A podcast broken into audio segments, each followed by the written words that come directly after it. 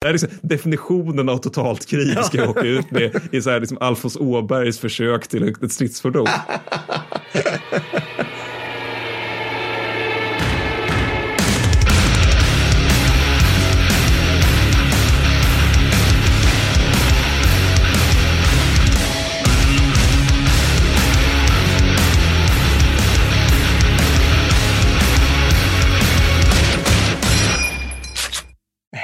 Och välkomna till Kickstory-podden, alla fantastiska lyssnare. Jag heter Per Wallin. Jag är ena halvan av den här podden. Ja. Du heter Mattis Bergvall, du är andra halvan. Det är korrekt, det är korrekt. Eh, Ja, jag vet att det här känns töntigt för det är avsnitt 99 och vi har gjort det här nu i 100 avsnitt. Men man vet aldrig, Mattis. Vi kanske får någon ny, ny lyssnare någon gång. Jag vet inte. Ja. Vi, vi har ju de här 17 tappra personerna som lyssnar på det här och håller oss under armarna. Men- Ja, exakt. Så Ja. Att, eh, det, det är lika bra att presentera sig ibland. Vi, vi har ju ett avsnitt där vi gör det, va? Ja, men det är typ avsnitt ett. Det är avsnitt ett där vi gör den. Men gjorde inte vi gjorde inte så här någon gång vid avsnitt 40, Ja, 50 men, jo, men, eller jo, något sånt där? något sånt där. Jo, Ja. Men det, det, jag tror det var avsnitt ett där du kallar mig historiker eller någonting. Och Mm, det, det, det, det, jag är väldigt obekväm med det. Alltså det, det. Jag har pluggat och läst och skrivit väldigt mycket historia. Men jag har ju liksom inte suttit och forskat speciellt mycket om det. Vilket jag tycker är definitionen. Är det på riktigt definitionen av, måste man ha gjort det för att kallas Enligt en historiker? statsvetarprofessor som jag hade så får jag kalla mig det för att jag har en magister i historia. Mm. Men jag tycker att det är när man har disputerat. Aha, okej.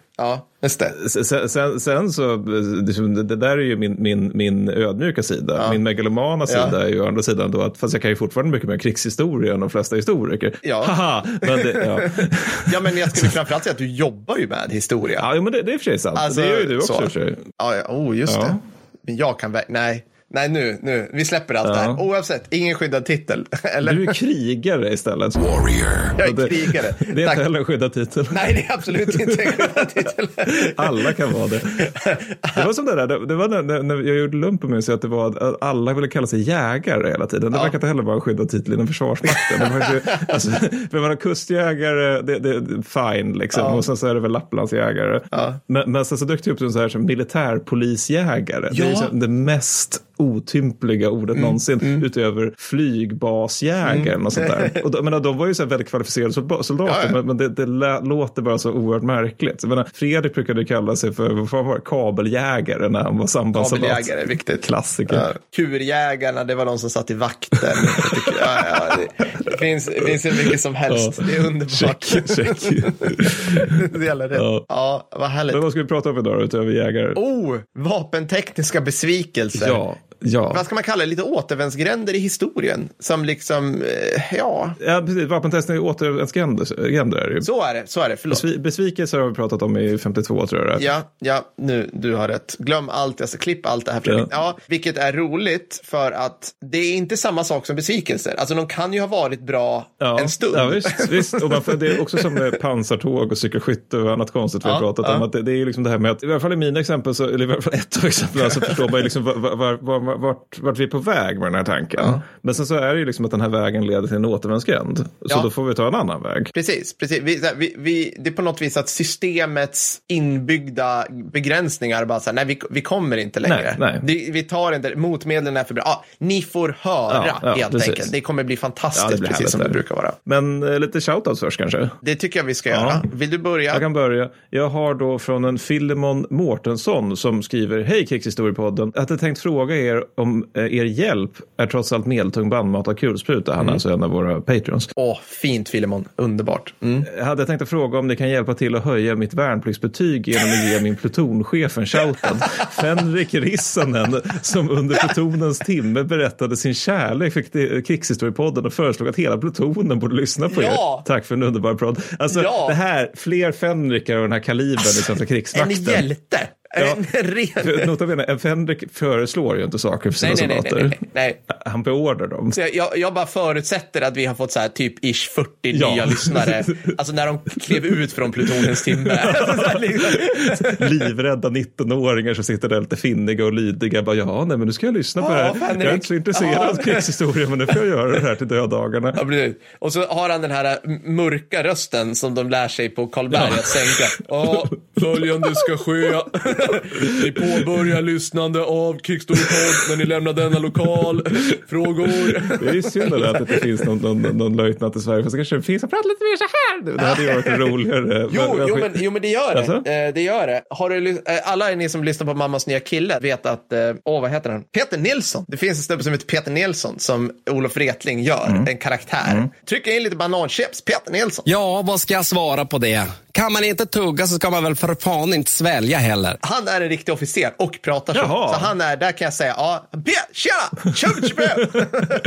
Ja, för de jag minns från, från värnplikten, det var just de som du skrev, de som pratar så här, allting är jävligt allvarligt ja, och så vidare. ja. Förutom de, vi hade en kapten som nästan inte sa någonting. Det är ännu bättre. Ja, men det var ju, det var ju som hajen i hajen, Mm. alltså att man ser honom inte och då, då blir det mycket, mycket läskigare när man faktiskt Ja, ser honom. ja. Men ja, nej, men sen så har jag en annan shoutout då som är till, eh, det är på eget bevåg, det är till Instakontot Taktisk. Ja. Jag bara tycker att ni, ni kan följa det ni Mm. av Försvarsmakten för att det är svinbra. Alltså, jag, jag tycker så här, min spontana är att jag tycker det är det bästa militärkontot på Insta. För att det, det är också för att det är min smak. För att jag, jag tycker att han har verkligen den här kriget tråkigt-grejen. Ja. Och det, det, det tycker jag det är väldigt trevligt att läsa det på Insta. Eftersom Mm. Instas militärestetik är ofta lite mer där, yeah! Men, men, eh, nej, men så det, det är mycket samband och mycket drönare, men också jävligt lärorikt. Alltså det, det, det, det är skitbra helt enkelt, så följ den. Mm. Han har en bra hemsida också. Ja, det har han. Plus att han har också delat våra grejer från och till. Så Ja. det, Inget kommer gå- gratis. Det ska Ja, ni men, men, då kan man, gå- till lite kärlek tillbaka och det är också ärligt menad kärlek. Ja, det är fantastiskt. Min shoutout är till Matgeek, Mm. Johan Hedberg. Eh, Och det är bara, det är bara en sån här mot-shoutout, för han nämnde oss i ett poddavsnitt också angående någonting. Jag minns inte vad det var till hans podd, som jag tappar namnet på just nu bara för det. Men eh, han har en podd, Ja. googla Matgeek och Ja, podd det så hör ni den. En fin kille. Han har ju nu, senast när vi spelar in det här så har det varit lite att han har gjort helt rätt och pröjsat en granat som har skjutits i Ukraina. Ja. Eh, Vilket är fantastiskt. Bra jobbat Johan. Och det där blev en massa sociala medier-drabbel om som folk så här, jag stödjer Ukraina, men jag vill inte att människor ska dö i försöken att försvara Ukraina. Bara, Men ni måste, ju, ni måste ju förstå att ifall Ukraina ska Ja. överleva så är det tråkigt nog så att väldigt många ryssar kommer dö. Ja, ja Det, det är en brutal logik av att Ja. man befinner sig i krig. Ja. Och det är Putins fel. Det är ingen annans fel. Ukraina har inte bett om att bli Nej. invaderade Nej. av den här, liksom, här krigsförbrytarhorden som har kommit in över deras gräns. Men, ja. Nej, exakt. Ja, ja. Så det är det. Fortsätt med det du gör Johan.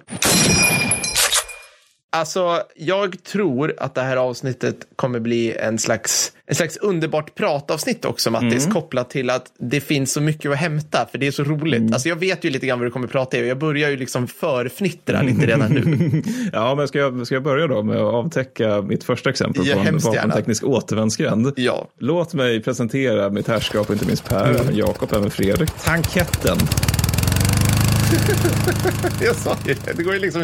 Det är...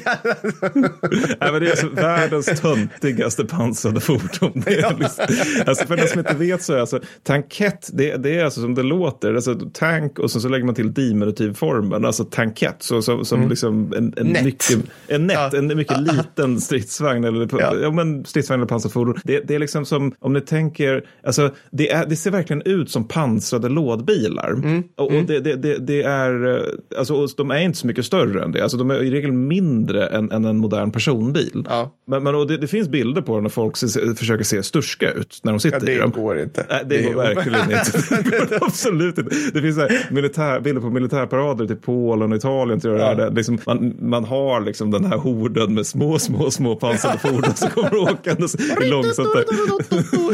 och så sitter de där med hjälmar och så uppluckade. Men problemet är att de är ju liksom längre än fordonet de sitter i. Ja. Så det är väldigt svårt för dem att se sammanbitna ut. Alltså, det, Ja. det, är, det är väldigt mycket så här lådbilslandet goes total war. Men, men, men är inte det också, det finns jag har ju sett bilder på att talibanerna har tanketter. Ja, ja, men, ja, ja. Alltså, tali- eller hur? Det, yes. finns, det, det är helt otroligt. Vi ska se om vi kan skaka fram den bilden. De, de har typ en eller tre eller någonting. Ja. Alltså det, det, det, men det är säkert sanslöst stridsvärde på det. Ja. Nej, här, som ett exempel då när det gäller det med storlek och vad det är för någonting. Det är polska TKS, vilket Mm. jag vill minnas en av de faktiskt bättre tanketterna, eller liksom bättre inom vad, hur man nu ens... Men vi glömmer ju oftast Polens liksom mellankrigsvapenindustri. Ja, visst. den, var inte, den var inte kattskit Nej, jag vill minnas att det var länder. Europas typ fjärde största armé eller något åt det hållet. Alltså att det är Sovjetunionen, Tyskland, Frankrike, Polen. Alltså Ja. det, det, den är en av de större definitivt i alla fall. Men i alla fall, en TKS har en vikt på 2,5 ton, en längd på 2,58 meter, en vidd på 1,78 meter, en höjd på 1,32 meter. Så att den är liksom, den är hög som ett barn, alltså som en sjuåring. Jag tror Doris är 1,30. Hon är 6. Nej, kan hon vara så mycket? Vänta, jag måste tänka. Alltså, jag, jag är inte lång, Nej. men 1,30 är ju pytte. alltså, det är ju liksom... Ja, nej, men det är väldigt litet. Och sen så är det en beväpning om en, en hel 792 kulspruta, och jag sa rätt, 792 kaliber. Och bepansring på mäktiga 4 till 10 millimeter. här någonstans är det frågan om man kan prata om bepansring. För att det, är så, Ja, det- det, det är liksom lövtunt. Det, det, det, det, Ja. det är också så här, jag tror faktiskt man ska kunna göra ganska rejäl åverkan på med, med liksom, om du är en stark man med en rejäl slägga. Ja, ja, ja, absolut. Eller liksom en, med en yxa, sån här med spett på. Ja, ja, ja, lätt. Så brandyxa, då tar Absolut. du igenom ja, det där. gud, ja, gud, ja, det farligaste pansarvärnet. Men, men det är ju helt sjukt. Varför ens ha pansar då? Alltså varför, Ja, ja, varför ja, inte bara satsa på vi- snabbhet? Alltså, ja, vi kommer komma till bepansringens begränsningar. Men, men alltså, vi behöver göra en jämförelse med en Toyota Auris. Den har en vikt på 1370 kilo, så Ja. den, den är hälften så tung. Men den har en längd på 4,2 meter, så den är nästan- nästan två meter längre än Ja. en tankett. Ja. Den har en eh, vidd på 1,76 meter, så att den är precis lika eh, bred. Ja. Och en höjd på 1,5 meter, så att den är, alltså, den är längre och högre än tanketten. Ja. Ser du badass ut i en Toyota Auris?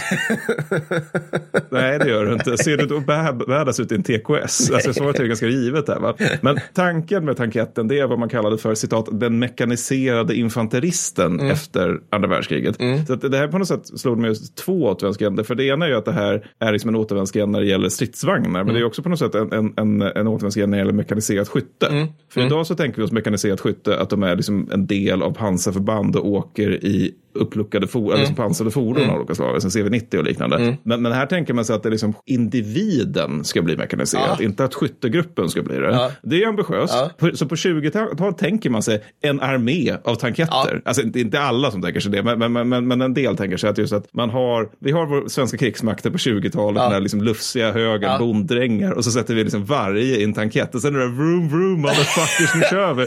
Det, det är liksom sådär, jag vet inte, det är som lite grann tanken på power armor, tänker jag. Exakt, jag satt precis och tänkte på det. här. Alla har en mech-suit var. Alla har liksom ett fordon. Du bär, men så här, du åker i ditt vapen. Ja, precis. Men på det, det är inte 20-talet. fel tanke, men det, ja, det, är rätt steampunk på något Det är vis över det. Men, men sen, sen, sen 30-talet så uppstår snarare två skolor. För på 30-talet har ju liksom, det börjar komma riktiga stridsvagnar. Mm. Eller det finns ju innan också. Men, alltså, den börjar ta, de börjar ta allt mer Mm. utrymme. Liksom. Man förstår nog att det är nog dit vi är på väg. Så, men så första skolan är att okej, men vi har ju tanketter. Vi har byggt en hel del av dem under 20-talet. Så vi vill inte gärna slänga dem. Så då kan vi, liksom, vi kan ha dem för att understödja infanteriet. Liksom. Mm. Så att man, man kan ha det som till exempel, men till exempel transport. Det gör fransmännen och britterna. Att du kan ha de här små lådbilarna som kan liksom åka, föra fram infanterister eller liksom frakta ammunition. Och, Ja, så att nu, nu sätter du, i den här pyttelilla lådbilen, så sätter du fler soldater. Som, alltså transport. Ja, precis. De får, de Ah. får åka på den. Liksom. Eller, Ja. Mm. eller att du lastar på liksom, lite ammunitionslådor som ska framåt liksom, och ha någon form av rudimentär bepansring. Och sen antar jag också att man skulle kunna liksom, under, understödja, i, liksom, du, du har en kulspruta på den här som kan åka med tillsammans med en skyttegrupp. Mm. Liksom, så att, ja. Men sen så har vi ju den, den andra då och det är ju liksom som en seriös AFV.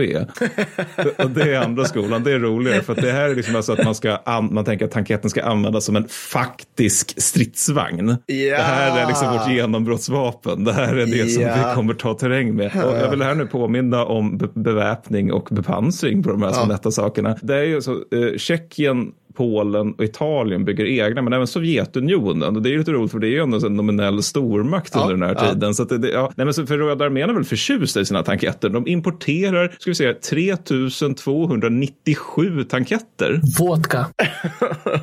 Men, men det är ju, det, där är ju enda, med de siffrorna, det är, på, det är enda sättet som tanketten kan bli ett effektivt vapen. Det är liksom att myllra över fienden. Ja, men- Alltså det måste ju vara det enda, tre, vi ska, vi, alla de här 3000 är i samma förband och sen go. Ja, det är det enda Precis, sättet. det här är en brigad, det är det vi ser här. Det, det är Ja, men- en ja, men det måste ju-.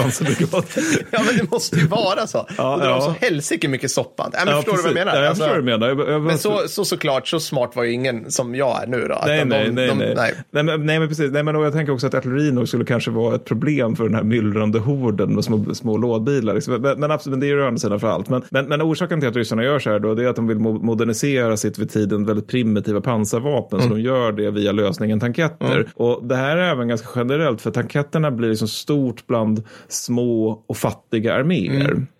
Lex Italien, typ så här. Ja, men Lex Italien, Lex Polen, Le- Lex Tjeckien. Mm. Alltså att man, man, man, de här, de, här liksom, de, de, de vill liksom på något sätt suggerera bort att det finns saker i stil med när man köper in eller bygger Mm. tanketter. Alltså pansarkampvagn FIR, Zuma, S35 med Vera och deras pjäser Ja. som ofta är så här, ja, men du vet 47 mm tingestar och sånt där. Så det- liksom det ersätter brist på faktiska vagnar egentligen med de här små grejerna. Ja. Det är liksom verkligen ett försök att ha stridsvagnar när man egentligen inte har råd med det. Ja. Så nu har, kommer då till rubriken tanketterna höljer sig i ära. Bra. Ehm, ja. ja Eh, den, den rubriken var ni inte beredda på, eller hur lyssnare? Nej, nej, det var ni inte. Nej. Nej. för de flesta tanketter, och nu vill jag notera de flesta tanketter kan stå emot gevärseld. Ja. När jag säger de flesta innebär det inte alla.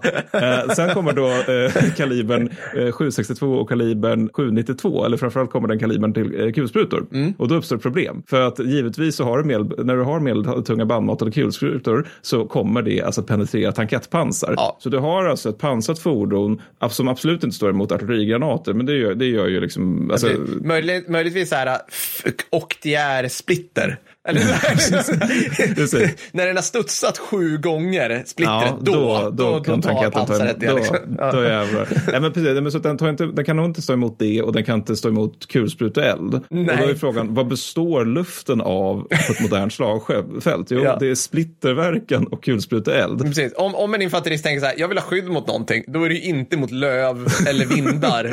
alltså, utan det är, det är typ de du nämnde. Ja, jag tänker så här, regn antar jag att den där kan stå emot. Liksom att om, det, om det börjar regna kan du sätta dig i tanketten Ja, och då kommer du förbli torr. Nej, men, så det här är liksom pra- praktiken ett sätt att förflytta en kulspruta Ja, när det blir skarpt läge. Att du kan förflytta den. Men det kan du även göra med en soldat om man ska vara svinpetig. Och man kan även, man kan även rusta, rusta dem för sig med dels töntigt små kanoner och eldkastare. Vilket är, det är en ganska mäktig tanke. Du har den här oerhört lilla saken som åker fram och Återigen, om det var 3000 stycken som kommer över ett fält mot dig, alla just med det. eldkastare. Ja, Badass. Ja, ja visst. Men du, du blir ju rädd innan du säger vi skjuter på dem Ja, och se vad som händer. Ja. men, de- det, det är lite intressant är också, de flesta av dem är ju bandgående, men det, det, för den saken skulle inte så att förflyttning är en av deras starka sidor. för att de är nämligen för små för att åka över skyttegravar. Såklart, Och det är ja. roligt, för stridsvagnen uppstod som ett medel att ta, åka över skyttegravar. Just det. Så nu har vi liksom gått bakåt i Ja. utvecklingen. Det är en devolution. Sen är det väl att de har, de har pyttesmala band också. Mm, jo, då. Alltså, ja. Precis, att de, de fastnar, ja, men det är dels det, men dels också att de drivs ju av gräsklipparmotorer. Så att Ja. det med lera är ingenting de vill råka ut Nej. för. Så att vi har alltså här ett bandgående fordon som har svårt med skytt, skyttegravar och lera. Ja. Det här är det som band ska fixa. Ja. Så vi har då lite exempel på stridsinsatser. Det är här de höll sig ära. Vi har eh, i, Etiopien den 15 december eh, 1935. Då lyckas italienarna supa bort 19 tanketter på en dag. ja. Ja, och Etiopien använder det här stridsmedel i stil med stora stenar som läggs på vägen där de här ska rycka fram. Så att de, de lägger en sten i vägen och då står tanketterna där, de kan inte göra så mycket. Italiensktillverkade tanketter sätts också in i spanska inbördeskriget. Och det här är förresten, det, det, det, från och till dyker upp någon som säger, kan inte göra något om spanska inbördeskriget? Jag har aldrig lyckats bli intresserad av det kriget. Nej, nej. Och en del säger bara, jo men det är så här liksom, övningsfältet för andra världskriget. Bara, ja, och det innebär att allting är lite beigare och, och liksom töntigare än det är under andra världskriget. Att, alltså, ja, du har stridsvagnar, men det är liksom inte så att det kommer en IS-2 eller en Panter. Alltså det, det, utan det är de här små, små löjliga grejerna man har istället. Ja, men Kondorlegionen var ju det. Ja, men det var också så här, det var, det var också så här hundra flygare. Ja. alltså, det var liksom, Ja, ja, nej, men jag håller med. Jag, jag tror att, eh, side note, spanska inbördeskriget kan vara coolt på liksom individnivå. ja precis. Errol Flynn dyker upp och gör en gest och åker hem till USA igen. Ja men, ja, men typ, ja, men jag, har, jag har en polare som på riktigt, jag hoppas han forskar vidare om det här, som han snackar med om en, han ska följa typ så här, svenska frivilliga som Mhm. åker ner där. Mm. För, liksom svenska typ socialister på 30-talet Mm. från landsbygden. Alltså det kan det vara en cool Ja, men story. det, absolut. Men det, det kan nog vara intressant. Bara så här, ja, här kan jag läsa om den inte är för lång. Du, Nej, men, men så här, Anthony Beaver skrev ju en bok om spanska inbördeskriget. Det var på den tiden som jag liksom slukade Anthony Beavers Mm. böcker när han kom ut. För då hade han ju skrivit liksom Kreta, Stalingrad, Berlin och någon om Normandie också kanske. Men, Mm. men, men, och, så, och då hade jag läst dem med, med, och tyckte att oj, han skriver jättebra. Liksom. Mm. Kommer man till spanska inbördeskriget, kom typ 150 sidor. Så bara, jag orkar inte. Det här, Nej. det här är inget intressant. Det här är för jävla tråkigt. Det, är någon, det är någonting. Men skitsamma. Italienskt tillverkade tanketter sätter sig i varje fall in i spanska inbördeskriget. Då. Här möter de bland annat då sovjetiska T26 med 46 mm kanoner. Det här är ett stort problem för tanketterna. Men det är lite lustigt att T26 behöver inte sina kanoner. För att en tankett besegras genom att, att en T26 åker fram till den. Ja. Och så knuffar den till den så att den åker ner i ett dike. nej. Jo, Alltså, och då det- blir den ju där. Jag älskar ändå att det är så sött. Det är liksom Ja, girls, ja. girls und panzer-känsla. Ja, Puttar, inte köra över och döda, utan den puttar Men det, ner. Men vi ska inte inga barbarer. Vi ska liksom göra det här på ett trevligt sätt. Liksom. Alltså, och T26 som man alltid slår ut som är liksom level 1 noob-panser. Ja. Liksom, alltså, i alla andra sammanhang. Då. Ja, men, det- och det är ju för att återigen, vi tänker ju andra världskriget, men, men, men i spanska inbördeskriget är ju en T26, det är ju typ en panter. Alltså det, det är liksom en kungstiger. Ja, Det är helt, helt Va? o- 46 millimeter? Omöjligt! Ingen så stor Ingenting grovkaliber. kan slå ut den. Vi behöver ku- kustartilleri för den här jäveln. Nej, men det härliga är dock de här italienska, det är mycket italienska exempel jag märker, men det jag L335-tanketter som sätts in på östfronten 1941.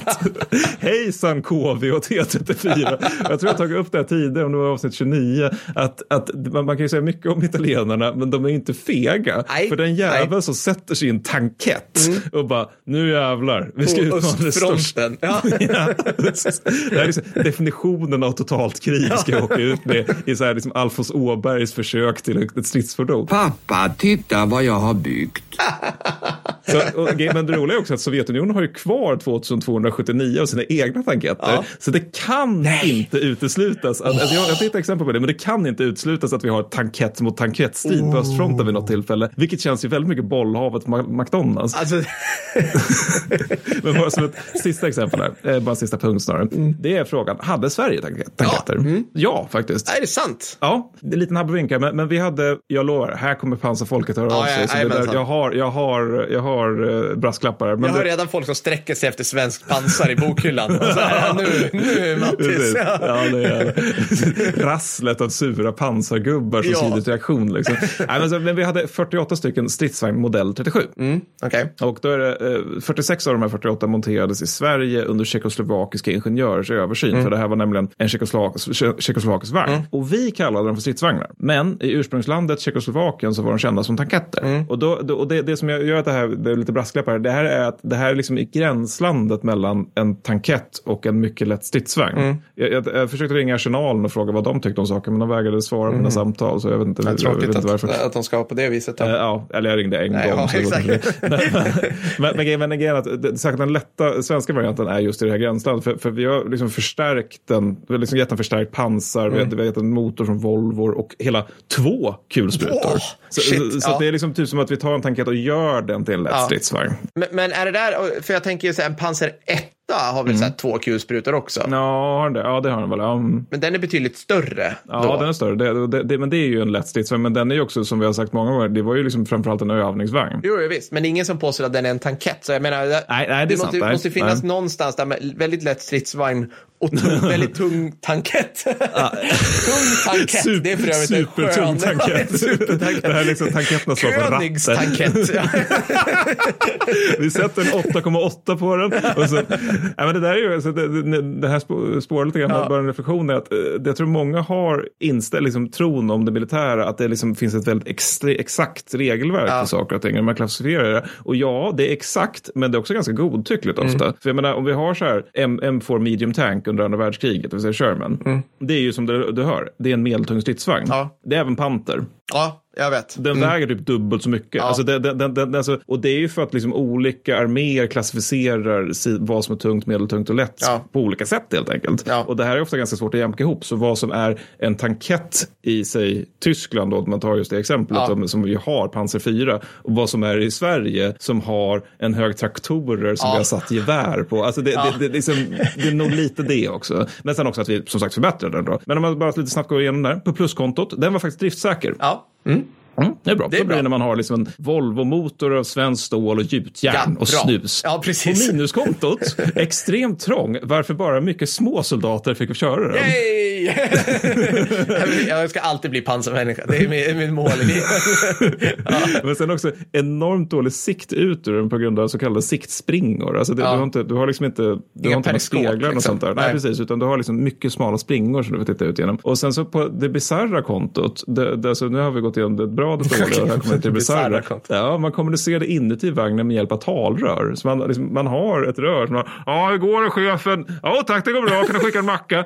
Och det här var så väldigt ineffektivt så då började man gå över till ett ganska raffinerat system där man har liksom olika lampor mellan förare och chef. Så man trycker på en knapp och då börjar det lysa och då innebär det här skenet från lampan en sak och sen trycker man på en annan knapp då innebär annat sken annan sak. Alltså det, så gjorde man på den tiden. Och de här fanns naturligtvis kvar på P18 till 1953. Ja, såklart. Ingen är stackars P18. Alltså Ja, det är ja. så jävla deppigt. Alltid. Liksom, hur länge ska vi ha de här?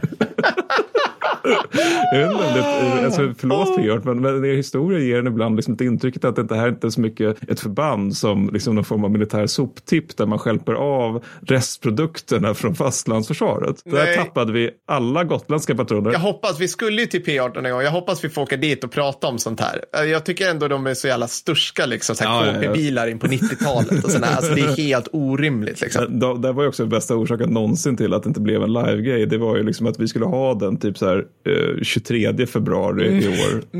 nej, nej, 25 februari och så, så 24 så kommer Putin och de ringer bara, nej jag, jag tror inte det blir någonting. Nej, jag Nej, förstår det. det, det är lugnt. Vi fattar det på Ja. den här militärstrategiskt extremt viktiga ön mitt, i, mitt i Östersjön. Liksom. Det är lugnt. Det hade i och för sig varit kul att dyka upp liksom, och agera propagandatrupper Ja. där. Liksom, bara stå med megafoner medan Iskander-robotarna bra- bra- brakar ner Gotland och skrika kom ihåg att de inte kan slåss. Jag hade stått där på scen US, som en USO-trupp, liksom, insvept i svenska flaggan och bara kom igen nu! I alldeles för korta shorts också. Ja, ja, ja, men jag hade, jag, hade, jag, hade, jag hade bjudit på hela min Onlyfans-uppvisning där, inga problem. Liksom. Men att det här var tanketternas ärorika historia. Ja, jag har jättemånga frågor egentligen. En fråga, det är faktiskt, det är ju liksom hur de stridstekniskt skulle nyttjas. Alltså hur, hur såg reglemente tankett ut? Förstår du Ja, men det, är som, som, som jag sa tidigare, alltså antingen som understöd till infanteri eller liksom som faktiskt pansar. Ja. Precis. Jag skulle bara vilja se en sån. Om någon, för det här, det här sitter folk på Mattis, det här skulle Ja, jag, ja, det gör de Om någon har typ pansarreglemente modell 1942 eller 37 som innehåller tanketter, kan ni inte liksom Ja. skriva till oss och Ja, typ ta bilder? det. Jag skulle vara för superintresserad. Nej, men grejen är också att det är en återvändsgränd också på till så mått att man, kom, man prövar det och sen kommer man fram till att stridsvagnar är bättre. Men jag vill minnas att det, det ändå finns kvar så här i enskilda arméer lite här och var. Alltså så här just någon liten hög tanketter så där ganska långt in. Så det, är liksom, det är inte helt bort. Det, det tar ett tag, ett tag innan det är helt borta. Ja, ja. Men, men det är ändå liksom, ja, nej men du fattar. Ja, jag fattar. Men ja, över till ditt exempel. Ja, nu. Ren ära. Ja, kan vi få höra propellrar i luften?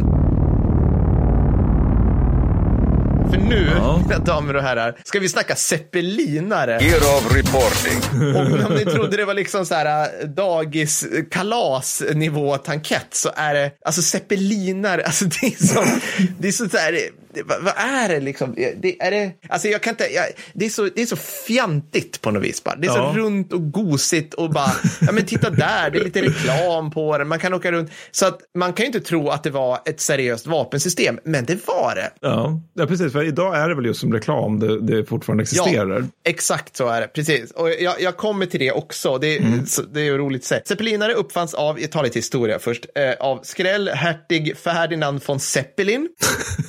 Såklart hette han det. Alltså, det, under 1870-talet och blev en sån här löjlig smash-hit som bara uppfinningar kring sekelskiftet kunde bli. Alltså, Mm. Kommer du ihåg det här Mattis? Alltså, jag tror inte vi, vi glömmer ju oftast det hur hett allting var Ja, under mm. tidigt 1900-tal. Alltså allt var hett. För att det är nytt. Ja, allt var nytt. Och det menar, man hade liksom, vi pratar om, liksom, vi pratar om 1900-talet, efterkrigstiden var så här coolt. Men det här i början av 1800-talet, eller början av 1900-talet, då var ju allting mekaniskt och häftigt nytt.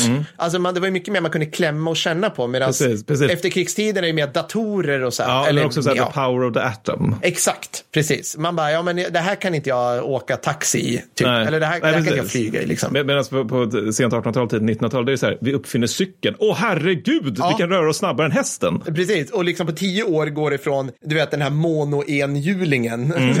säga, till liksom en sån här kolfiberhoj. Nej men liksom motsvarande Mm. den, den utvecklingen. Så det blir ashäftigt. 1909 startade världens första flygbolag. Ja, 1909 startade världens första flygbolag. det är väldigt tidigt. När flög bröderna Wright, Mattis? Men är inte det typ 1909? Det är typ 1912. Ja, Okej, ja, ja. Alltså, eller något sånt där. Det, alltså, det är efter det, men man hade redan hunnit starta flygbolag som använde sig av zeppelinare. Så, så man måste komma ihåg, så himla het, alltså så, så tidig är den här teknologin. Zeppelinarna är, för att göra en lång historia kort, det, först, det tyska psykets första fall av Wunderwaffefeber. för att nu, någonstans här så är det liksom, och det här är, jag vet inte om det här är tyskt och eller japanskt psyke, men det är i varje fall lite i det här, det kan ju vara för att de förlorade bara som vi skrattar åt det här. De hade ju kunnat vinna, men, men det är lite grann så här att de ser det här som att det här kommer fälla typ avgörande. Alltså det här är så nytt och häftigt så att det här bara måste vi ha. Det skiter i att det blir prövat för att förluststatistiken för de här tidiga zeppelinerna, eller egentligen för alla zeppeliner innan 2000-talet överhuvudtaget,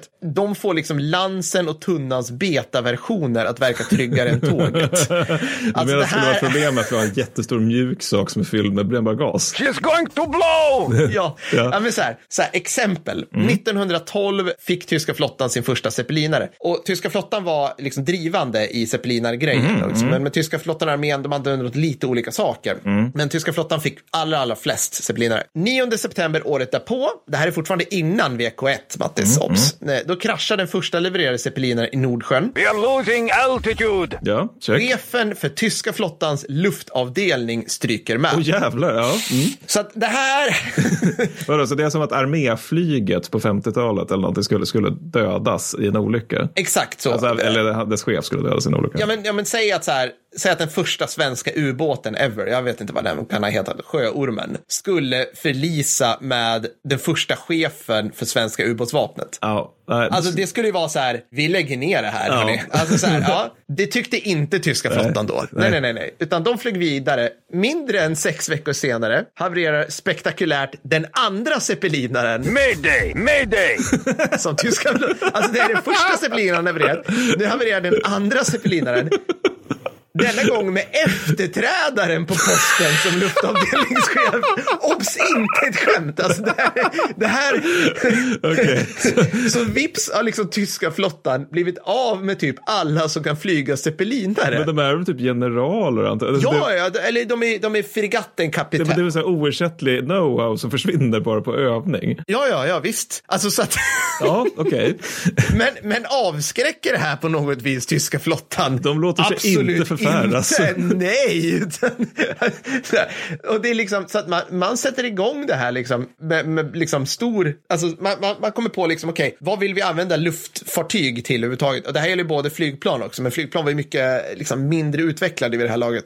I början av kriget, obs. Sen blir det annorlunda. Jo, man, man vill använda dem för två saker. Man vill använda bomba saker, man vill använda det för spaning. Taktisk bombning är ett så här, okej, nu flyger vi över skyttegravar på låg höjd. Vi snackar Ja, typ. ja. Ja.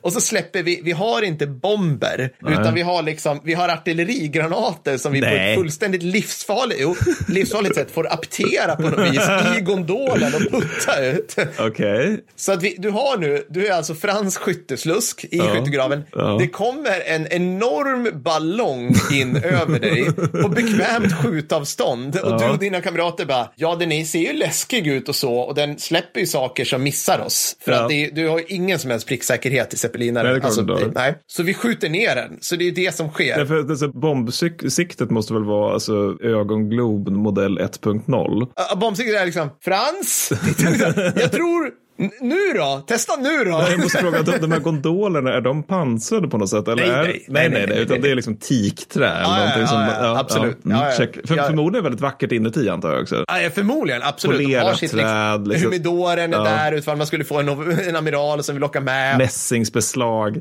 Allt är jättefint liksom. Nej, nej, nej. Så att det här är liksom, så att de, de skippar det direkt och uppfinner. Och det här är väl det som är, som jag tycker är, säga, coolt, men, eller som, som ger ringa på vattnet. Det är att man uppfinner i, i princip strategisk terrorbombning. Just det. Och, och förlåt inbrytningar, men, Nej, men, men eh, det är väl här någonstans man också kan förstå att de tänker sig att det här kommer att vara ett krigsavgörande vapen. Eller att det i alla fall kommer att vara ett viktigt vapensystem. Eftersom det är ju ändå en grej om man kan liksom bekämpa fiendens industrier och städer när ingen annan kan det. Ja, absolut, absolut. Sen är det ju en annan grej huruvida man kan göra det här på ett effektivt sätt. Men Mm. man, man förstår ju ändå liksom, nej men återigen, det, det som, man förstår liksom hur den här vägen leder framåt. Ja. Men kanske med fel, men att det också finns en återvändsgränd där framme någonstans. Ja, men, men, men det är lite roligt för att det, det, två, två saker händer tidigt i kriget för tyskarna, eller hyfsat tidigt. Det är att man, man, man tänker sig att strategisk bombning av zeppelinare och oinskränkt ubåtskrig ska fälla avgörandet, ska besegra britterna, tvinga ur dem ur kriget och, och, och, och fransmännen då. Inget av det här händer, Nej. men på något vis i ett alternativt universum hade det kunnat vara så här att till andra världskriget så har vi, vi har skrotat tanken på ubåtar, men vi bygger, vi bygger bepansrade dödszeppelin. Nej, jag, det, bara, jag bara såg det framför mig. Det hade, varit, hade varit coolt. Men det gör man inte för att ett typiskt upp, uppdrag av en Mm. zeppelinare, liksom ubåtar kan faktiskt sänka fartyg. Alltså Mm. det är liksom, och det är en effekt. Ett typiskt uppdrag under tidiga VK1, 58 skulle luft, luftskeppet ZVI bomba Liège, flög lågt, släppte 13 bomber, alltså artillerigranaterna då. Nio civila dödades. Ja. Mm. Zeppelinaren skadas av finkalibrig eld, vilket när det gäller belgiska armén vid den här tiden alltså betyder typ repetergevär och någon enstaka kulspruta i spexikaliber. Det. För det här är belgiska armén under VK1. Ja. De har alltså på riktigt sådana här hattar. Ja, De stormhattar. har hattar på sig. Ja. Som, ni vet sådana här hattar där liksom chefen för företaget ska se lite rolig ut på scen på en kick-off och ta på sig en gyllene hatt. Ni vet. Ja, ja. Nu kör vi allihopa för nästa år. Roffes bygg, Roffes bygg. Ja. En sån hatt fast målad typ svart. På, på riktigt. Ja, yes, yes. Luftskeppet eh, kraschade i närheten av Bonn på tillbakavägen och to- totalförstördes. Okej, så nio döda civila då. Till priset av ett, helt luftskepp. Och de antar att de inte är gratis att bygga de här eller? Nej, Eller nej. utbilda besättningar för den delen? Nej, nej, alltså så. Så ett okej, det var det. Jag vill bara säga liksom, vad, vad händer då? För tyskarna lär ju sig saker och de har ju ändå något på det. Ett typiskt uppdrag under senare delen av kriget. Sex zeppelinare får uppdraget att bomba England. Två kommer inte ens upp i luften på grund av hårda vindar. Vid deras skjul. Två får vända för motorhaveri. Ja. En skjuts ner då det var tvungen att gå ner till 4000 meter. Men den sista lyckas bomba en ammunitionsdepå i Ramsgate. Okej, ja men det är Vilket är i ändå... London. Så ja. det här, men allt det här då, Mattis, det här Ja. är ju arméns zeppelinare. ja. Och de var aldrig prio. Okej, så nu kommer vi till flottans. Nu liksom, kommer vi till flottan. Så här. Ja. Kommer ni ihåg de här? Alltså, Mattis, hitta någon, life goal till dig lyssnare ska jag säga, för Mattis, du är gift. Hitta någon som litar på dig så som tyska flottans ledning litade helt grundlöst på zeppelinare. alltså, så här, liksom, för, för att det är liksom, de, alltså, vart, så här, en grej om zeppelinare, liksom. De är extremt svårstyrda redan idag. Alltså Ja, ja. fortfarande idag. För att det är en, eh, de- är ju 150 meter långa och 40 meter höga, drar jag till med. De var Ja. större och mindre såklart. En kastvind, så här. Ja, jag tänkte just det, alltså, vindar från sidan måste ju vara ett jätteproblem just på grund, bara på grund av formen. Ja, alltså att den ja. cigarrformen. Ja, men tänk så här Mattis. Visst har det hänt att du har framfört din en och en halv ton tunga kompakta stålfyrkant i, i liksom på, på marken, Ja. på en väg. Och så helt plötsligt kommer en kastvind eller en Ja, vind. ja, visst, visst. Och du känner i Ja, ratten i ditt fordon. Och bil, bilen går någon decimeter åt sidan också. Ja, exakt. Du får liksom kompensera för det. Liksom. Det har hänt. Det har hänt alla absolut, oss. Det, ja. Och det här är på marken.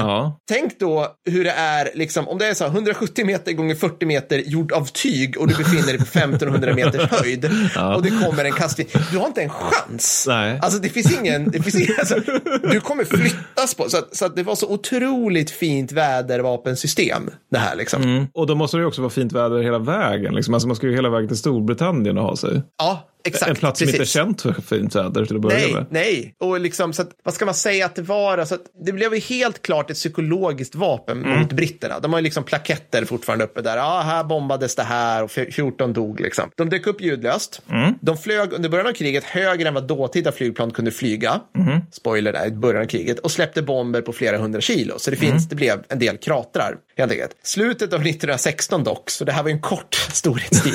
Då uppfinner britterna brandspårljuskulor.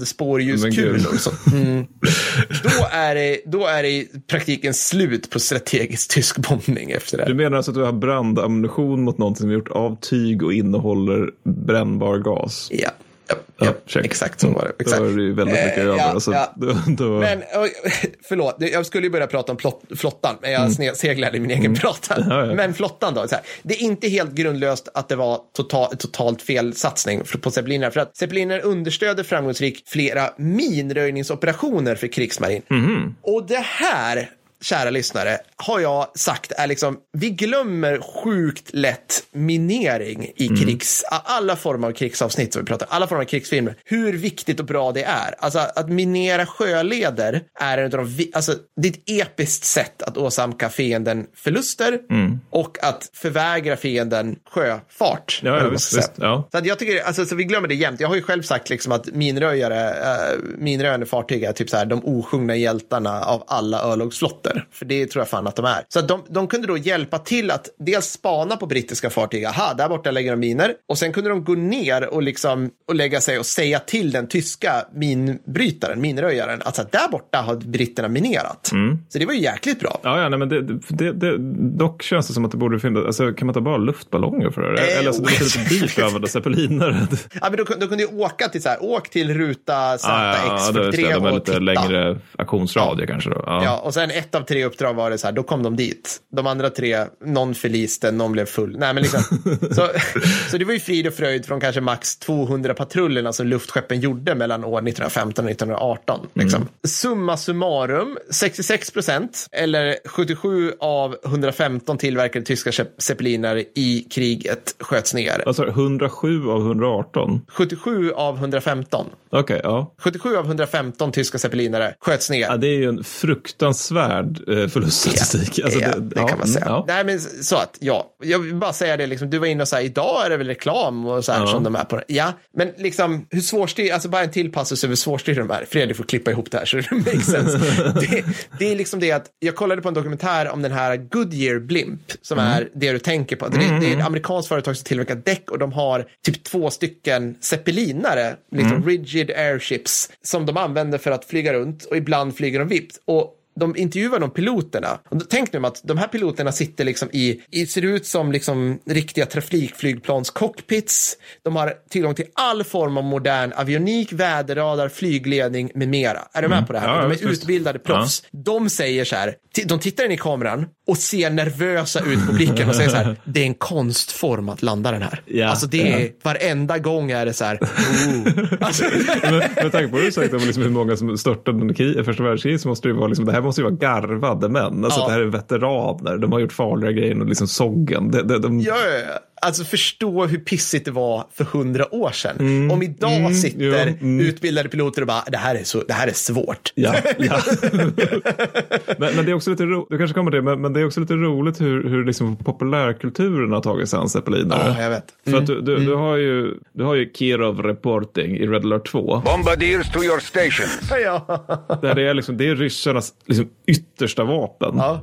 Ja. Och det är just zeppelinare. Ja. Alltså, eller du har liksom så trailern i BF1. Alltså, du vet, det var svinbra. Du har Seven Nation Army, bli- eh, glitchmob-varianten. Och så ser Ja. liksom första världskriget utkämpas fast liksom lite sexigare. än Du kanske var Lite verkligen- sexigare. Ja. Ja, lite kanske. Eh, inte fullt så mycket mardröms och lika ångest. Men den avslutas ju med liksom att det är en brittisk Tommy som liksom så står i så jävla lervälling någonstans. Och så tittar han upp och ser liksom ut och tänker oh my god. För det faller en skugga över dem. Och då är det en fuck off zeppelinare som Ja. täcker hela skärmen. Ja. Men är, det ser ju så jävla mäktigt ut i den trailern. Men den där kommer ju inte skada Tommy. Mm, Nej, nej, absolut inte. Vad ska den göra mot honom? Den ser honom väl inte till att börja med? Nej, nej, det kan inte träffa honom överhuvudtaget. Nej, han Liksom. kan träffa den däremot. Så de satte ju kulsprutor på de här och det fanns ju alltså luftstrider mellan, mellan flygplan, alltså det här sexiga, Ja, sexiga ja. liksom. Men det var ju otroligt sällan. Jag menar, vi, alltså senare i delen av kriget, det var ju bara mycket lättare att skjuta ner dem med typ allsköns kanoner. Ja, alltså ja, så här, luftvärnspjäser. Det, det, alltså, Bara rikta en 7,5 mot den. Ja, ja, just. Men Mattis, vet du vem jag får prata om nu? Nej. Vet du vem jag pratar om? Jag får prata om Letto Vårbäck. Nej. jo. Jo, ja, jo, men just det. Ja, ja, ja. Ja, är du med nu? För Ja, med. Heja Heja Safari kan jag bara säga. Absolut fräsigaste med luftskeppen i min bok under veckan. Det är att man skickade ner en zeppelinare från Bulgarien hela vägen till Letto Vårbäck Ja. i alltså Östafrika med förnödenheter. Men var det inte de här som fick vända på vägen eller sådär? För att, Ja, det är det här som är det sjuka. Den nådde ju nästan sin destination Ja. då. Ja. men fick av outgrundlig anledning order om att vända hem. Jaha. Jag har inte lyckats få fram varför. För att, jag menar, det här är ju, det här De kommer är, inte göra något bättre med zeppelinarna. nej, verkligen inte. Alltså det här är sån enorm Hail Mary att den klarade sig så, så långt liksom. Ja. Så här, därigenom berövade, alltså bara jag inte säger, den tyska ledningen berövade oss på vad som hade kunnat vara en av de bästa bear runs i historien. alltså tänk er nu, tänk er nu en tysk zeppelinare över savannen i Afrika som sen landar vid Letto Warbeck som står där och bara lämnar över en snapsflaska från gondolen Ja, till liksom, visst. general. Ah, så det är så jä- det är så sjukt. Det vansinniga är att till skillnad mot alla andra typ zeppeliner som kraschar om man tittar på dem snett eller om en fågel är in, inom 100 meter så klarade denna zeppelinaren då L59. Den klarar hela resan på 6400 kilometer och 95 timmar i luften. Jävlar. Ah, det är typ en vecka. Alltså det, Ja, ja, visst. men, men jag minns också att det var ett av få försök de gjorde för att faktiskt överhuvudtaget försörja Letta Fårbeck. För jag fick ju han typ leva av landet det under fyra år. Ja. Men, ja. men, men för jag vill minnas att de hade byggt den där så att det är liksom att du ska kunna ta tyget som den är gjord av och göra första förband av. Oj jäklars, häftigt. Alltså det, det var, visste jag inte. och, Ja. och in, interna stålskrovet var också någonting som man skulle kunna göra, att man skulle kunna använda för att bygga grejer med. Så att liksom själva, själva zeppelinen i sig är förnödenheter. Ja, ja. Vi sa ju att det här är ju återvändsgränder. Så Mm. att nu tänker folk bara, men vänta Per, det kan ju inte sluta med VK1 för att de flög zeppelinare sen. Och ja, det gjorde de. Den gyllene eran började ju efter VK1 för zeppelinare till och med. Men fredligt. Mm. Ja, just det. Ja. Det är det liksom. Alltså Hindenburg-haveriet 1938 satte stopp för allt. Plus att vid det här laget hade flygplan kommit ifatt på alla relevanta Mm. sätt. Men, men så det var typ så ett stopgap innan passagerarflygplanen då kanske? Ja, precis. Alltså det var, det var liksom så här, åh, det, det, det är liksom bekvämt, det är lyxigt, tyst. Mm. Men det går långsamt att flyga zeppelinare liksom.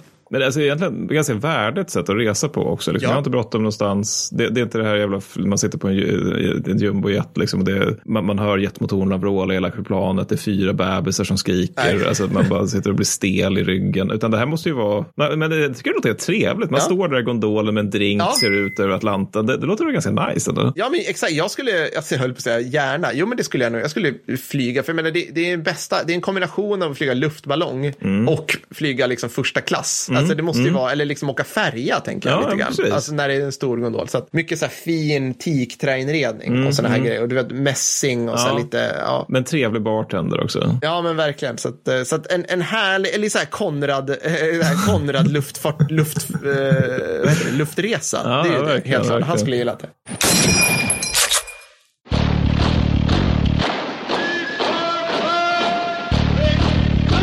Dags att ge sig upp i luften för Gösta Luftballong AB har hört av sig och säljer hembyggda zeppelinare. Koldioxidneutrala, jajamän. Nästan brandsäkra, säger Gösta. Eh, och man kan med fördel då liksom köpa en och sen kan man pendla med den till jobbet. Om man lyckas, lyckas fästa den i skorstenen så funkar det jättebra. Kan oftast nästan styras, säger Gösta. Men framför allt, du slipper ju all form av trafik. Slå till nu så kostar det bara en, ungefär en zeppelinare till att få lite värme i gondolen under.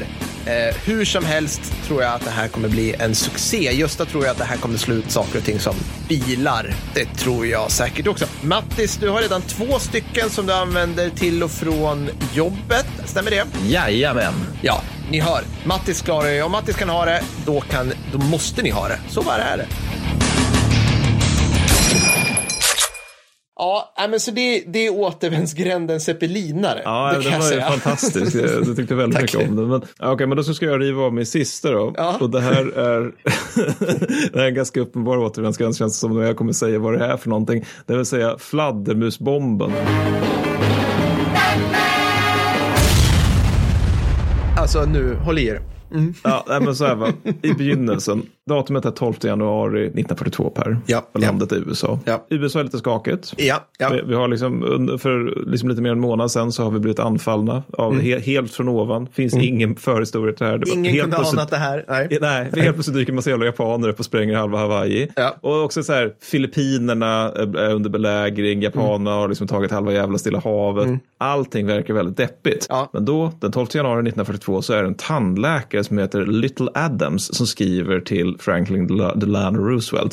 Hans förslag är ett sätt att citat skrämma, demoralisera och uppröra japanska imperiets medborgare. Slutcitat. Ja. Och han fortsätter. Den citat lägsta formen av djurliv är versaler. Fladdermusen! Eh, s- Slutversaler. Han hade lite problem med, Ja, med jag vet bats, inte tror jag. riktigt vad, men det, enligt honom i alla fall lägsta formen av djurliv är fladdermusen. Fortsatt citat. Orsaken till varför den skapades har hittills aldrig gått att förklara. Slutcitat. Jag jag, tror han tänker sig någon så här väldigt gudsgrej där, liksom varför Ja. skapar. Ja, oavsett så. Han är kreationist. Han är arg kreationist. Man måste ju vara det. Men, men, men, men, så han, han ogillar fladdermusen. Ja. Och någonting annat han ogillar är japaner. Men någonting han tycker om med fladdermusen det är att den har en god lastkapacitet. Tydligen. Ja. Och den kan bära ganska mycket i förhållande till sin ganska nätta kroppsvikt. Ja. Så det han vill göra det är att han vill sätta brandbomber på fladdermöss. För att citat bli av med de japanska skadedjuren. Slutcitat. det, här är, det är rätt roligt där. Jag läste en del amerikanska författare nu till Stilla havspodden som vi ska spela in. Mm. Som vill bara så här. Nej men det fanns ingen rasism i USA. Det var inte alls så att skyttet gjorde en skillnad när de stred mot japaner och när de stred mot tyskar. Och att det fanns liksom en rasism även i det här också. Men det fanns ju från japanerna mot amerikaner Vadå, också. menar Men... att folk påstår att det inte fanns? Alltså, de blir väldigt kränkta när det är så här med att man bara, jo på 40-talet så hade liksom, folk inte vår moderna världsvärderingar. Nej. Alltså det, det finns på allvar de författare som blir jättearga när man säger the great, men det är nog där, du vet, det var the greatest generation, de är liksom höjda över allt. I commanded the Flying Hellfish, the Fightinest Squad in the Fightinest Company in the 3rd Fightinest Battalion in the Army. Det, menar, det finns ju en del, det finns en del amerikanska historier som blir tokiga när man säger, ja men det förekom väl att amerikansk trupp sköt krigsfångar. Like we used to treat POWs when the Red Cross wasn't looking. Det förekommer att alla arméer gör det i alla krig. Liksom. Det, det, det gör inte dem till nazister. Skitsamma. Han, den här tandläkaren var i alla fall elda upp hela jävla eh, Japan med hjälp av fladdermöss. Och det roliga med det här är att det här känns ju som den här typen av brev som jag tänker att för, svenska försvarsdepartementen då får in dagligen. Ja, ja, ja. Alltså att liksom alla Ring P1-lyssnarna hör av sig med brev hela tiden. Och att de har, jag lovar att de har en särskild låda liksom, där man bara, det bara lägger vi token. här. Ja, ja, ja. Det här händer inte med tandläkarens förslag. Nej, nej. Utan det här okejas naturligtvis. Ja, FDR skriver till OSS, OSS är typ en slags föregångare till CIA kan man säga, till OSS-chefen Wild Bill Donovan att citat, det karln är inte en galning. Det här är värt att ta en titt på. Så det här okejas av presidenten en månad in i andra världskriget för USAs del. ja, det tyckte han att han skulle lägga krut. Eller så var det så här, alla okejades. Ja, vi ja, vet ju vi- inte. vi alla gör- breven bara, ja, vi, kör. Vi är i liksom. en kämpig situation där. Nej, men så det, och resultatet av det här då blir ju då liksom att eh, OSS de börjar driva runt i diverse grottor på fladdermusjakt. Ja. så att det är liksom alltså den här typen av, men du vet liksom spooks verkligen, du vet Ja. höga, höga kavajslag, små snäviga hattar sådär, som fri, är nu ute och tassar liksom Kaliforniens grottsystem för att leta efter fladdermöss. Ja. Och de bestämmer sig för att vad som heter, tad, nu ska se, t- nu är det latinsk slakt där, Tadarida brasiliensis är den mest lämpliga fladdermusen. Jag hittade ingen svensk översättning av vad det kan vara för någonting. Nej. Orsaken till att den är mest lämpliga det är att den har en la- lastkapacitet på hela 18 gram. Och det finns, det finns dessutom miljarder av den, eller miljarder miljoner av den i Nordamerika. Så Ja. liksom, de kan bära hyfsat mycket och det finns många, många som är lätt att få tag på. Och då har vi då napalmens fader, eh, Louis Pfizer, som han framställer då en bomb, alltså en brandbomb på 17,5 gram. Det är ändå, jag är imponerad. Ja, alltså, det, är väldigt lite. Ja, det är väldigt lite. Puts. Alltså, det är... Jag menar, jag menar, alltså, det, det, det, det är väldigt möjligt att han kan mikra ihop någonting. Men skitsamma. Så, så då har man liksom både, man har en lämplig fladdermus, man har också en lämplig brandbomb. Och sen då i maj 43 så gör man första försöket. Ja, ja. Och det man gör då det är att man har B25 då som, som, som öppnar sina bombluckor över Mojaveöknen. Ja. Tanken är nu här att ut från de här bombluckorna så ska det strömma 3500 napalmbestyckade fladdermöss som sen ska gå till anfall då. Och Problemen är ju då att det här är ju levande varelser, det är ju djur. Ja, Liksom. Så, ja. att, så att de vill ju inte låta sig apteras. Nej, okej. Alltså aptering går till för att man, man går från fladdermus till fladdermus och så här vrider på någon liten grej liksom, eller? Ja, ja, alltså man måste ju sätta fast brandbomber på dem. Ja, ja, ja, ja precis. Det, ja. det är ju så man apterar en fladdermusbomb. Alltså den består av dels en brandbomb och dels en fladdermus. Ja. och det i sig måste ju vara så fruktansvärt tidsödande. Alltså att du har 3500 jävla fladdermöss som du på något sätt ska liksom, ja, nu går vi till den. vi till. Vad är lösningen på att de håller på att sprattla då? Man kanske söver dem. Mm, det gör man. Man Man, slänger det? in Ja, fry- ja, ja. ja, man, man slänger in dem i frysen helt enkelt. För, då, för att om de blir kalla börjar de hibernera. Så att du, liksom har, du har kastat in dem massa kylsystem av olika slag då, så att de somnar. Men då har vi problemet med det här då, det är att, eller problem två snarare, det är att fladdermössen släpps då på 1500 meters höjd. Ja. Det är högt, men det är inte tillräckligt högt för att de ska hinna vakna. Så resultatet är att 3500 fladdermöss slår ner i marken och avlider då, stupar för USA. Men en gång, ingen gång, Nej. tänker vi. Så nu gör vi ett nytt försök. What the fuck? Så OSS bygger en japansk by, slutcitat, Ja. i New Mexico i maj 44. Jag kan bara tänka mig hur en japansk by Ja. såg ut när den byggdes av amerikaner på 40-talet. så, så, bara bilder på döda vita barn. Totempålar kanske och eh, Shamaner. vad kan de ha haft? Så Hudar som hänger på något vis. Högar med ris, Ja, det är ja. någonting med ris, det, det är bilder på kejsaren exakt överallt. Ja, för nu tyckte man, vi har lärt oss, tänkte man. Nu jävlar, Mm. Tänkte man. För det är vår i New Mexico då, återigen det här är maj 44 vill Ja, jag påminna. ja, ja. Alltså kriget går inte dåligt för USA i i krig mot Japan i maj 44. Nej. Men det är vår i New Mexico, och det, Mexico det innebär värme. Och då har man återigen liksom fryst ner fladdermöss för att återigen, de ska, måste ju liksom sätta, Mm. man måste sätta på bomberna på dem. Men eftersom det är vår så vaknar då en mängd väldigt morgonsura fladdermöss för tidigt Nej. den här gången.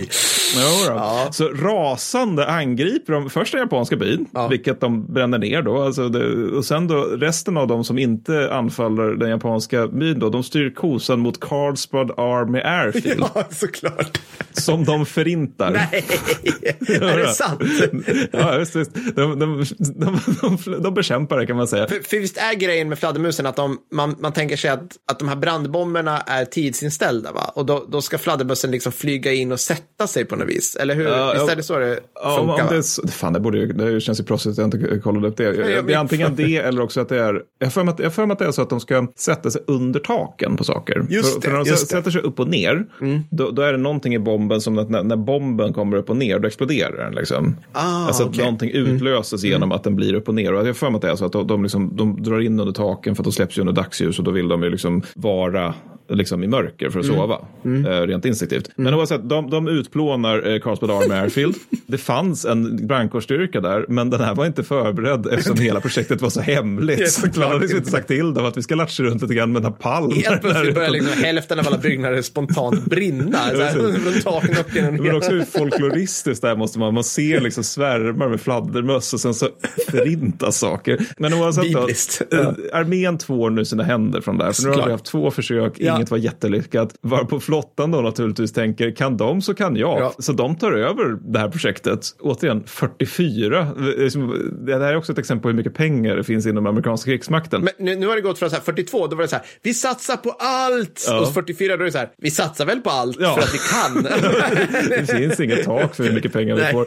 Nej, men så flottan tar över och kallar, äh, döper hela projektet till X-ray för att det låter häftigt. Och do. de kommer fram till att problemet med fladdermusbomben är att man behöver starkare bomber. Super genius. ja. Vilket jag tycker i sig är härligt, för man har ju liksom lyckats ut, utplåna flygfält för de här bomberna. Det var väl det som var bra. Det var det enda som var bra var Ja, bomberna även i det de här ha mer fallet. eldkraft för de här grejerna. Ja, så, ja. så chefen för de, de amerikanska sjöstridskrafterna då, tråkmånsen Ernest King, Mm. han får en nys om projekt X-ray. Han får höra att fladdermössen är redo att förgöra Japan först i mitten av 1945. Ja. Ernst King, vet du vad han också vet är på gång? ja, ja. Manhattan-projektet. Ja, och han tror mer på kärnvapen än på fladdermusbomben. Så att han skriver då, det har, citat, det har beslutats att lägga ner X-ray-projektet på grund av den grundläggande idéns tillkortakommanden och bristen på tillräcklig och tillförlitliga data för att planera en operation. Slut, citat. Det här var väldigt diplomatiskt sagt. Jag tror att man skulle kunna säga också att han typ skrev, bara för att du kan göra det så ska du inte Nej, göra det. nej, precis. Men det är lite grann symptomatiskt för hela den allierade krigsinsatsen. Jag älskar ju de här äh, projekten. Alltså Mm. det, och jag älskar också att amerikanerna har, de har alltså sina motsvarigheter till excentriskt brittisk officer, Mm. hashtag. Alltså för det, det, det är liksom det det handlar om med det Wild Bill och den här tandläkaren. ga- galna OSS-figurer som bara ges obegränsad budget och obegränsat mandat och Ja. så får order att skända. Men, men det, är också, det här är ju en ganska uppenbar äh, återgångsgränd. Alltså mig veterligen så gjorde, är det bara jänkarna som har prövat det. Men samtidigt är jag, jag finner någonting lätt fascinerande över att man höll på med det här i två år Mm. under totalt krig. Alltså jag menar, man kunde ju förmodligen byggt en jagare för vad det här kostade. Ja, säkerligen. Liksom. Men det är väl, det handlar väl, alltså jag, jag, gillar, alltså för, om vi ska sätta någon form av eh, liksom, liten eh, band på det här eh, pro- projektet, vad heter det, ett omslagspapper, slå in där, då, då tycker jag ändå att så här, jag fattar logiken i nästan alla projekt. Alltså förstår du, om någon skulle presentera något helt så, för man vet ju inte vad det är som kommer funka Nej, riktigt. nej, precis. Jag menar om, om 50 år så kanske någon kommer och så bara, ja men typ tanketter, alltså, och det blir power armor. Samma tanke bakom Mm, det liksom. Vi ska ha den mekaniserade, bepansrade, tungt beväpnade, självgående soldater. Och så bara, ja men då kan vi göra Spartan suits Nej liksom. men precis, Nej, men för att vi sitter ju fnissat där, men, men, men när man tar till exempel musköter, eller krutvapen snarare. Ja. Du har ju slagit vid Kirkholm är det väl, eh, mellan Sverige och Polen, Mm. där Sverige torskar. för att vår armé är beväpnad med, jag tror det är hackebössor har jag för mig, Mm. mm. vilket är liksom så primitiva krutvapen. Och de, de ger ju eld liksom, Mm. men sen så ska de ladda om och sen så kommer på så kavalleriet som är liksom i verkligen sin, sin prime och sen kör de över oss helt och hållet. Alltså det är en av de största förlusterna i svensk historia. Mm. Ja. Om man ser till liksom hur många vi förlorar och hur många de förlorar. Och där känns det ju som att det måste ju ha varit ganska många som bara krutvapen kommer aldrig leda till någonting. Artilleri, eller så här, kavalleri är framtiden i all krigskonst. det, armborstet har tjänat Sverige väl. Alltså, Ja, det, och, ja. så, så, precis, men om man hade haft den inställningen då hade vi liksom aldrig haft liksom, ja, men en M4 eller någonting åt det hållet. Nej, nej, precis. Nej, jag, jag gillar det. Hoppas du, kära lyssnare, har lärt dig någonting också. Nej, men fantastiskt. Nästa avsnitt, Mattis, det är ju inte mindre än avsnitt 100.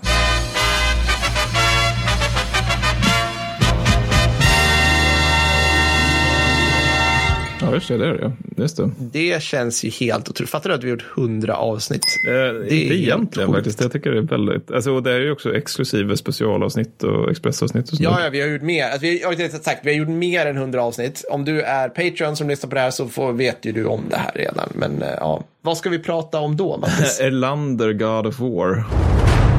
Gubbar och kärringar huker i bänkarna för nu upp. Så det blir liksom Tage Erlanders alltså, krigiska gärning eller försvarspolitiska gärning. Ett perspektiv som verkar vara, alltså jag ska lägga ut texten lite mer om det i den podden, men det verkar vara typ ett nytt perspektiv på Erlander. Ja, ja, vi bryter ny akademisk mark inom Eller historia i eventuellt Sverige skulle jag säga. det. För att Ja. det, det, är så, det är så, ja, jag vet inte, det har varit så jäkla konstigt manus att skriva. Men Ja. ja, men ja det ska vi snacka om. Och det, det, jag tror det blir bra. Det blir ju också lite längre eh, som det är Ja. avsnitt 100. Precis, det kommer bli fantastiskt. Nästa ordinarie avsnitt. Nästa ordinarie avsnitt är ju då avsnitt 101.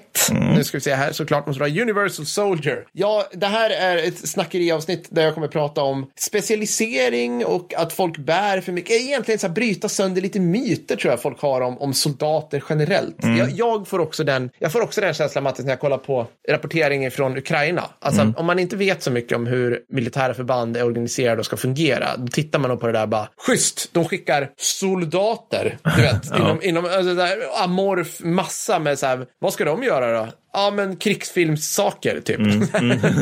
det, där, det där ska vi bena lite i, bland annat. Fint, det är väl det, Det är det. enkelt. Ja, men ja, det Ja. ytterligare ett avsnitt förbi. Tråkigt. Tack för att ni har lyssnat. Vill ni bli patrons så gör ni det på patreon.com slash kickstorypodden. Ja, det blir ni. Det gör ni. Ha det så bra. Sköt om er. Hej då. Hej då.